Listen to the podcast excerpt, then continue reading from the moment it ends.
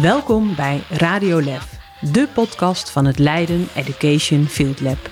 In deze podcast nemen we je mee in echte verhalen van Leidse onderwijshelden. Voor iedereen die kinderen en jongvolwassenen laten groeien. Met in deze aflevering Programmeren voor kleuters. Rinaldo Keur, directeur basisschool De Morskring en Laura Maurus, locatiemanager Blos kinderopvang, zijn een samenwerking aangegaan om samen anders te organiseren door de inzet van pedagogisch medewerkers van Blos in de school. Zoals pedagogisch medewerker Bas Colbert.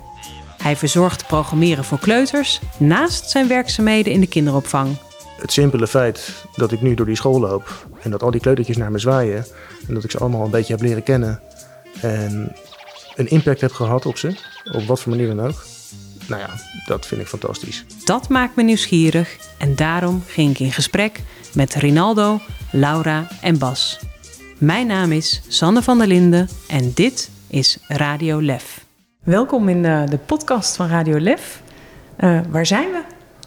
We zijn op dit moment binnen het kinderdagverblijf van Vondellaan Leiden, van Blos Kinderopvang. We hebben hier een eigen kleinschalige ruimte. We zitten nu tussen de spulletjes van de baby's. En met wie ben ik hier? Ja, met Rinaldo Keur van de basisschool De Morskring. En met Laura Schoolma Maurus van Blos Kinderopvang. Met uh, Sébastien Colbert, uh, zeg maar Bas, die hier al een hele tijd pedagogisch medewerker is. En sinds een klein jaartje gedetacheerd bij de Morskring als, uh, nou ja, de robotjesmeester. De robotjesmeester, dat klinkt al helemaal goed. Uh, kun je er wat meer over vertellen? Wat is dat?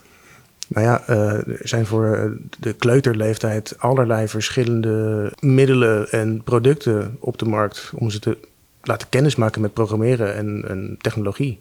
Waaronder de Bebots en de Cubetto. Uh, die zet ik nu wekelijks in daar met de kleutertjes. Om ze alvast een beetje te laten kennismaken met wat is programmeren. Leuk dat jullie hier zijn. Jullie hebben uh, vorig jaar een uh, innovatiesubsidie aangevraagd uh, van de Leidse innovatiesubsidie van gemeente Leiden. Wat was de aanleiding om samen een subsidie aan te vragen? Ja, dat was eigenlijk als school hadden wij twee, twee punten. Eén was het, het stukje het bewegen op school. We zijn een sportactieve school. En daarin zochten we een vorm om naast gewoon de gymlessen het beweegactiviteiten aan te bieden aan kinderen. En we keken ook eigenlijk van ja, wie, wie zijn daar dan eigenlijk uh, ja, uh, nodig om dat, uh, om dat vorm te geven. En toen kwamen we eigenlijk bij de, bij de kinderopvang uit van hé, hey, daar lopen mensen overdag rond die op school bij ons de TSO verzorgen en na school de BSO. En toen gingen we eigenlijk in gesprek met, met Laura over ja, kunnen we dat, dat eigenlijk verbinden aan elkaar. En daarnaast had het stukje techniek. En dat is met name bij de, bij de jongere kinderen, bij de onderbouw. En daar zochten we naar iemand die ja, kon, uh, kleuters kon leren programmeren en de techniektorens kon gebruiken. En we zagen dat dat in de praktijk voor de leerkrachten best wel een lastige opgave was om dat naast de reguliere lessen te doen.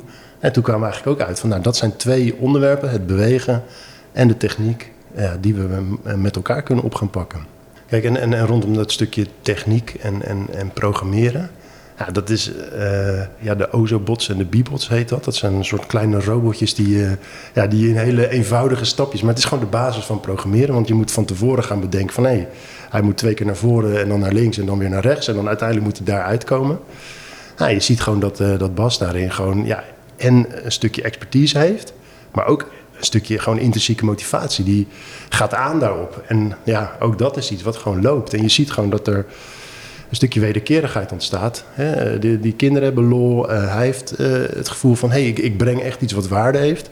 Leerkrachten zien ook van, uh, hey, dat, dit, is, dit is tof, want hier kom ik niet aan toe.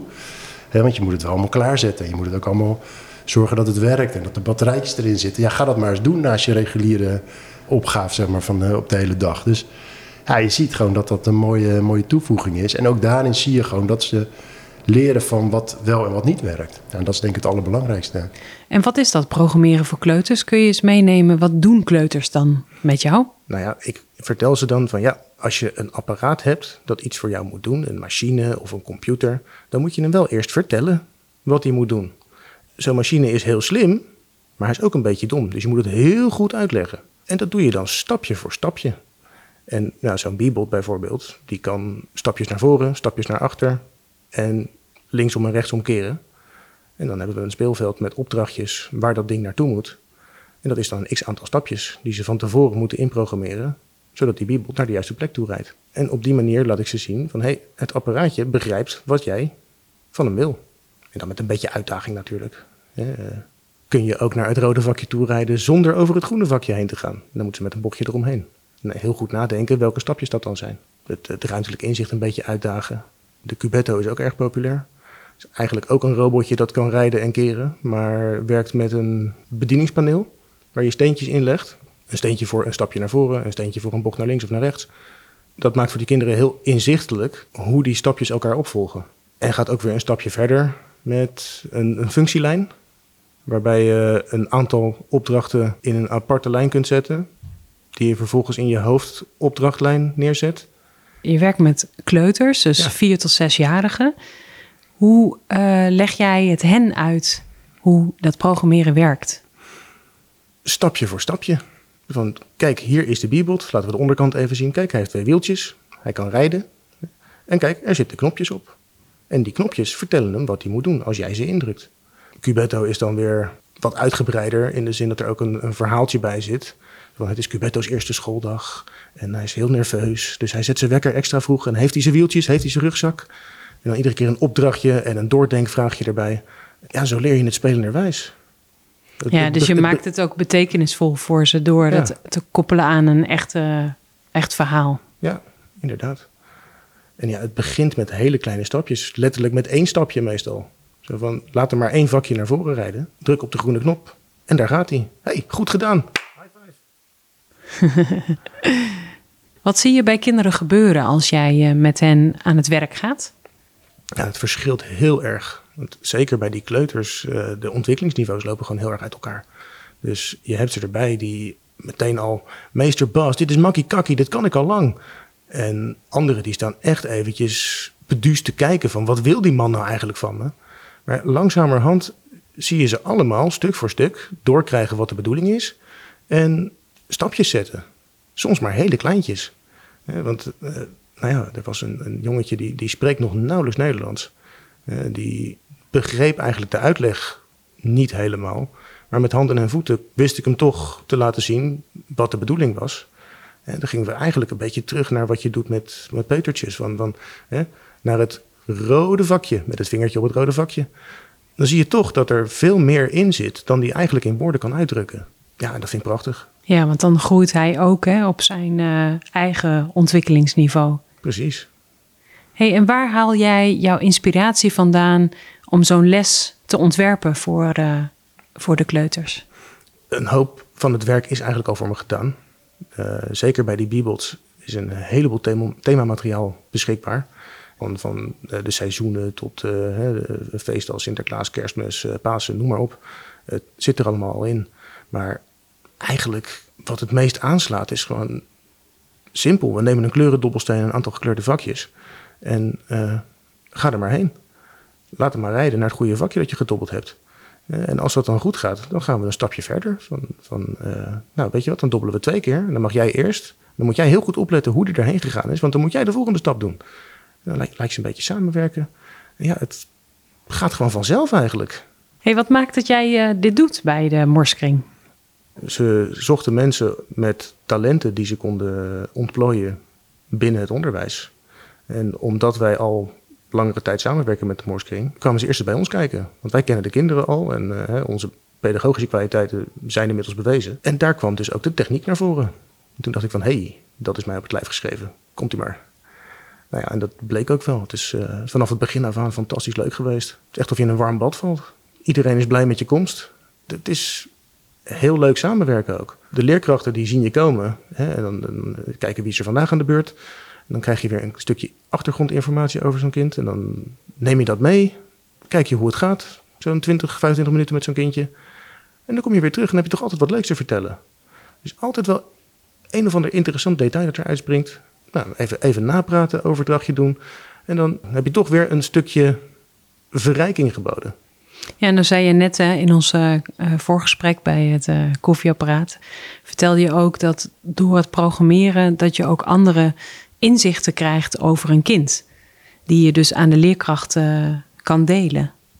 Nou, bijvoorbeeld het ventje dat eigenlijk nog onvoldoende Nederlands sprak om zich in woorden uit te drukken, dat ineens echt wel een talent liet zien op het gebied van nou, ruimtelijk inzicht, tellen en nou ja, oorzaak en gevolg. Zo'n kereltje komt in zo'n grote groep als hij zich nou ja, niet goed kan uitdrukken, eigenlijk niet goed uit de verf. En met die nou ja, één op twee aandacht zie je ineens hele andere dingen verschijnen. En dan zie je toch van hé, hey, er zit een hoop meer in dan je van buitenaf in het normale klasproces zag. Ja. En je ziet gewoon dat die, dat die wisselwerking gewoon loopt. En, uh, en dat ze echt een mooie rol hebben, een mooie toevoeging. En dat zie je ook weer terug bij de kinderen. De medewerkers zijn de hele dag aanwezig binnen de Morskringschool. We hebben ook een BSO gevestigd in de Morskringschool. En dat de kinderen ons de hele dag zien, kunnen wij ook aansluiten bij de regels van de school. Waardoor de kinderen de hele dag door weten wat er van ze verwacht wordt. Daardoor zijn er ook veel minder conflicten op school op dit moment. Um, waarvoor denk jij dat uh, het belangrijk is dat we in een basisschool op zo'n jonge leeftijd al ervaring opdoen met programmeren? Dit is uh, de 21ste eeuw. Je, je kunt er niet meer buiten. Hè? En dan kan het wel zo zijn dat uh, fabrikanten van smartphones en computers het allemaal zo klant- en gebruikervriendelijk mogelijk proberen te maken. Maar je kunt er zoveel meer uithalen als je er een beetje zoegen van hebt. Enig inzicht hebt in hoe het allemaal werkt van binnen. Dat lijkt me gewoon een hele belangrijke vaardigheid voor de tijd waarin we leven. Als je kijkt alleen al naar uh, hoe populair social media is onder kinderen. Hè, met, met vloggers en YouTubers en, en noem maar op. Hoe doe je dat? Kijk, het werd in voorgaande jaren nog gezien als een soort van bijzaak. Zo van, hè, uh, dat internet, dat is allemaal uh, nog een soort van nieuw. En, hè. Maar tegenwoordig is het voor kinderen echt een wezenlijk onderdeel van hun hele sociale ontwikkeling. Het zoveelste opvoedingsdoel zelfs, mediawijsheid. En die apparaten die je daartoe in staat stellen kunnen bedienen, dat is nou ja, cruciaal, denk ik. En buiten dat, hoe jonger je ermee in aanraking komt, hoe makkelijker het later voor je is als je wat voor technisch beroep dan ook zou willen doen, om dat ook daadwerkelijk te doen. En wat vraagt dat van jou als docent om uh, dit te kunnen geven met zulke jonge kinderen? Ik denk dat het bij deze leeftijd nog niet zozeer de kennis van de technologie zelf is. Dat haal je nu nog gewoon uit de gebruiksaanwijzing. Kom je op wat oudere leeftijden, ga je echt met kinderprogrammeertalen zoals Scratch aan de slag, dan moet je wel eventjes achter de studieboeken gaan zitten om het door te krijgen. Maar bij deze leeftijd is het denk ik vooral de houding die belangrijk is. Dat je ieder kind aanmoedigt, het gevoel geeft dat ze iets goed doen hè, en uh, een succeservaring meegeeft. Ja. Het kan soms best pittig zijn. Zo'n zo'n robotje in je hoofd omdraaien om uit te vogelen welk bochtje nou de goede is. Dat ruimtelijk inzicht hebben ze nog niet allemaal. Maar het is interessant om ze dan op verschillende manieren te stimuleren om zelf een oplossing daarvoor te verzinnen. Als je het zo bekijkt, dan zie je dat je met het programmeren ook heel veel doelen bereikt, ook uh, in de sociaal-emotionele ontwikkeling. Het durven, het uitproberen, uh, vertrouwen hebben dat je iets kan doen wat je nog niet weet. Maar ook in die, uh, in die brede kennis en vaardigheden raak je echt veel doelen dan met deze lessen van jou. Ja, maar ja, de doelen die jij nu noemt, dat zijn natuurlijk ook doelen die ik in mijn dagelijks werkleven op de BSO vooraan heb staan. Die gaan mij het natuurlijkst af. Daar komt ook die positieve houding vandaan. En ja, weet je, dat robotje zelf is eigenlijk een beetje bijzaak. Het is een, een middel om een doel te bereiken. Maar op deze leeftijd is het meer spelenderwijs leren. En wat je dan precies leert, dat verschilt per kind. Want ze komen allemaal met een andere uitdaging aanzetten. En is het ook zo dat uh, je werkt dus uh, in de kinderopvang? Ja. Je komt net terug van de tussenschoolse opvang, waarmee je met kinderen uh, het buitenspel begeleid hebt. Is het ook zo dat je de ervaring die je opdoet met de kinderen ook weer kan koppelen aan je dagelijkse werk eigenlijk bij de kinderopvang? Er zijn een heleboel kinderen die ik op school heb gezien binnen de, de programmeerleesjes of de robotlesjes. Die zien mij ook hier weer terug in dit gebouw. Dus, hé hey, meester Bas. Een kereltje dat vloog mij om de nek net na schooltijd van... hé hey, meester Bas, het was zo leuk. En even later in de wandelgang een collega van zo... dat heb je goed gedaan. Die is hartstikke terughoudend normaal gesproken. En dan is dat toch wel een prettig idee. Dat je zo'n, met zoiets kleins als een robotlesje... zo'n impact hebt gehad op een kind... dat hij uit zijn schulp durft te kruipen. En gewoon laat zien... hé, hey, ik ben blij om je te zien. Ja, wat een mooi voorbeeld is dat zeg. Ja, daar word je toch gelukkig van. Ja, absoluut. Maar ik zie het ook aan je dat je er gelukkig van wordt. Ja. Wat doen jullie om dit mogelijk te maken? Ik denk met name dat wij tijd voor elkaar vrijmaken tussendoor. Als we elkaar tegenkomen in de school, is het altijd even tijd voor een kletspraatje en niet gelijk doorlopen. Echt gewoon investeren in tijd en in de samenwerking. Ja, ik denk dat dat verbinden is, is een hele belangrijke. Maar ook, ook wel, eh, hè, want het klinkt inderdaad heel simpel. Maar ik denk wat het, eh, nou ja, wat het succesvol maakt, is dat we eh, ook het commitment naar elkaar toe hebben. Bereid zijn te investeren. Eh, en ook in, ook in de voorwaarden eh, heel goed gekeken hebben van wat hebben wij nodig? Wat zoeken we? Hoe houd je ook de mensen die je al aan je verbonden hebt ook bij je? Want ja, voor je het weet raak je ze kwijt omdat ze ergens anders wat meer kunnen. Wat vind je het leukste met het eh, werken op, eh, met het programmeren voor de kleuters? Nou, toch wel de connectie die je maakt met de kinderen. Natuurlijk is het heel erg gaaf als er eentje bij zit die het ontzettend goed kan. Die meteen snapt wat je uitlegt. Hè, en die zo'n zo'n Cubetto-boekje dolraast als een, eh, als een racewagen. En dan vraagt van, wanneer gaan we weer? Want hè, eh, deze was veel te makkelijk. Tuurlijk is dat leuk. Maar het simpele feit dat ik nu door die school loop... en dat al die kleutertjes naar me zwaaien... en dat ik ze allemaal een beetje heb leren kennen... en een impact heb gehad op ze, op wat voor manier dan ook... nou ja, dat vind ik fantastisch. Ze zijn altijd blij om te zien. Ja, ik, ik heb ook het idee dat het je, je werk bij de kinderopvang heel erg verrijkt. Dat je nu dus ook eh, andere werkzaamheden hebt in de basisschool. Zie ik dat goed? Nou, ik vind het zeker een, een hele interessante aanvulling. Kijk, niet om het een of het ander, maar werk je op een BSO als volwassen vent met twee kinderen, dan moet je toch echt wel je stinkende best doen om aan voldoende uren te komen, om een beetje een degelijk salaris te hebben. Een fulltime baan zit er niet zo makkelijk in voor een BSO-medewerker. Eh, In die zin is het sowieso een welkome aanvulling, maar het is vooral heel erg leuk. Mhm. Ik zou er niet meer, niet meer mee willen stoppen. Ja. Ik, ik vond dat toen een hele mooie manier om ehm, nou ja, ook, ook gebruik te maken van eh, de aanwezige mensen die er zijn. Met hart voor onderwijs, hart voor kinderen. Ehm, en, en, en we hebben elkaar daarin ook gewoon nodig. Nou en dan kom je toch bij dat stukje weer anders organiseren. En, en daar moeten we echt wel over na gaan denken met elkaar. Van wat kunnen we dan eh, weer van elkaar gebruiken? Eh, en op wat voor manier? Want ja, nu hebben we techniek, eh, een beetje ja, digitale vaardigheden en beweegwijs. Maar er lopen in de kinderopvang ook andere mensen rond die weer hele andere expertises hebben. Denk maar aan muziek, denk maar aan beelden, denk maar aan misschien wel, wel iets met dans. Nou ja, ik heb daar wel zin in om te kijken van wat is er nog meer, zeg maar. Dus je moet naar constructies gaan waarin je elkaar, eh, nou ja, anderen aan je weet te verbinden. En dat is dan bijvoorbeeld een BSO, maar dat kan ook een kunstenaar zijn of een, als je maar heel goed kijkt naar wat ze doen. En hoe zorg je dat iedereen in zijn, in zijn kwaliteiten daarin kwijt kan. En ook heel fijn dat het mogelijk wordt gemaakt vanuit zo'n subsidie. Want dat is wel even het, het, het vlammetje wat het aansteekt, zeg maar. Want anders had je dit gewoon niet kunnen doen. Dus kom bij ons langs en altijd welkom om gewoon even te horen van hoe gaat dat nou eigenlijk en eh, wat doen jullie daarin?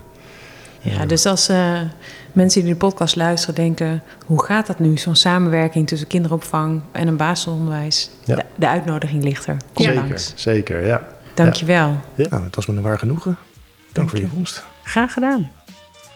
Dit gesprek was er eentje uit de serie Echte Leidse onderwijsverhalen. Heb jij ook een onderwijsheldenverhaal? Laat het ons weten via info.hetlef.nl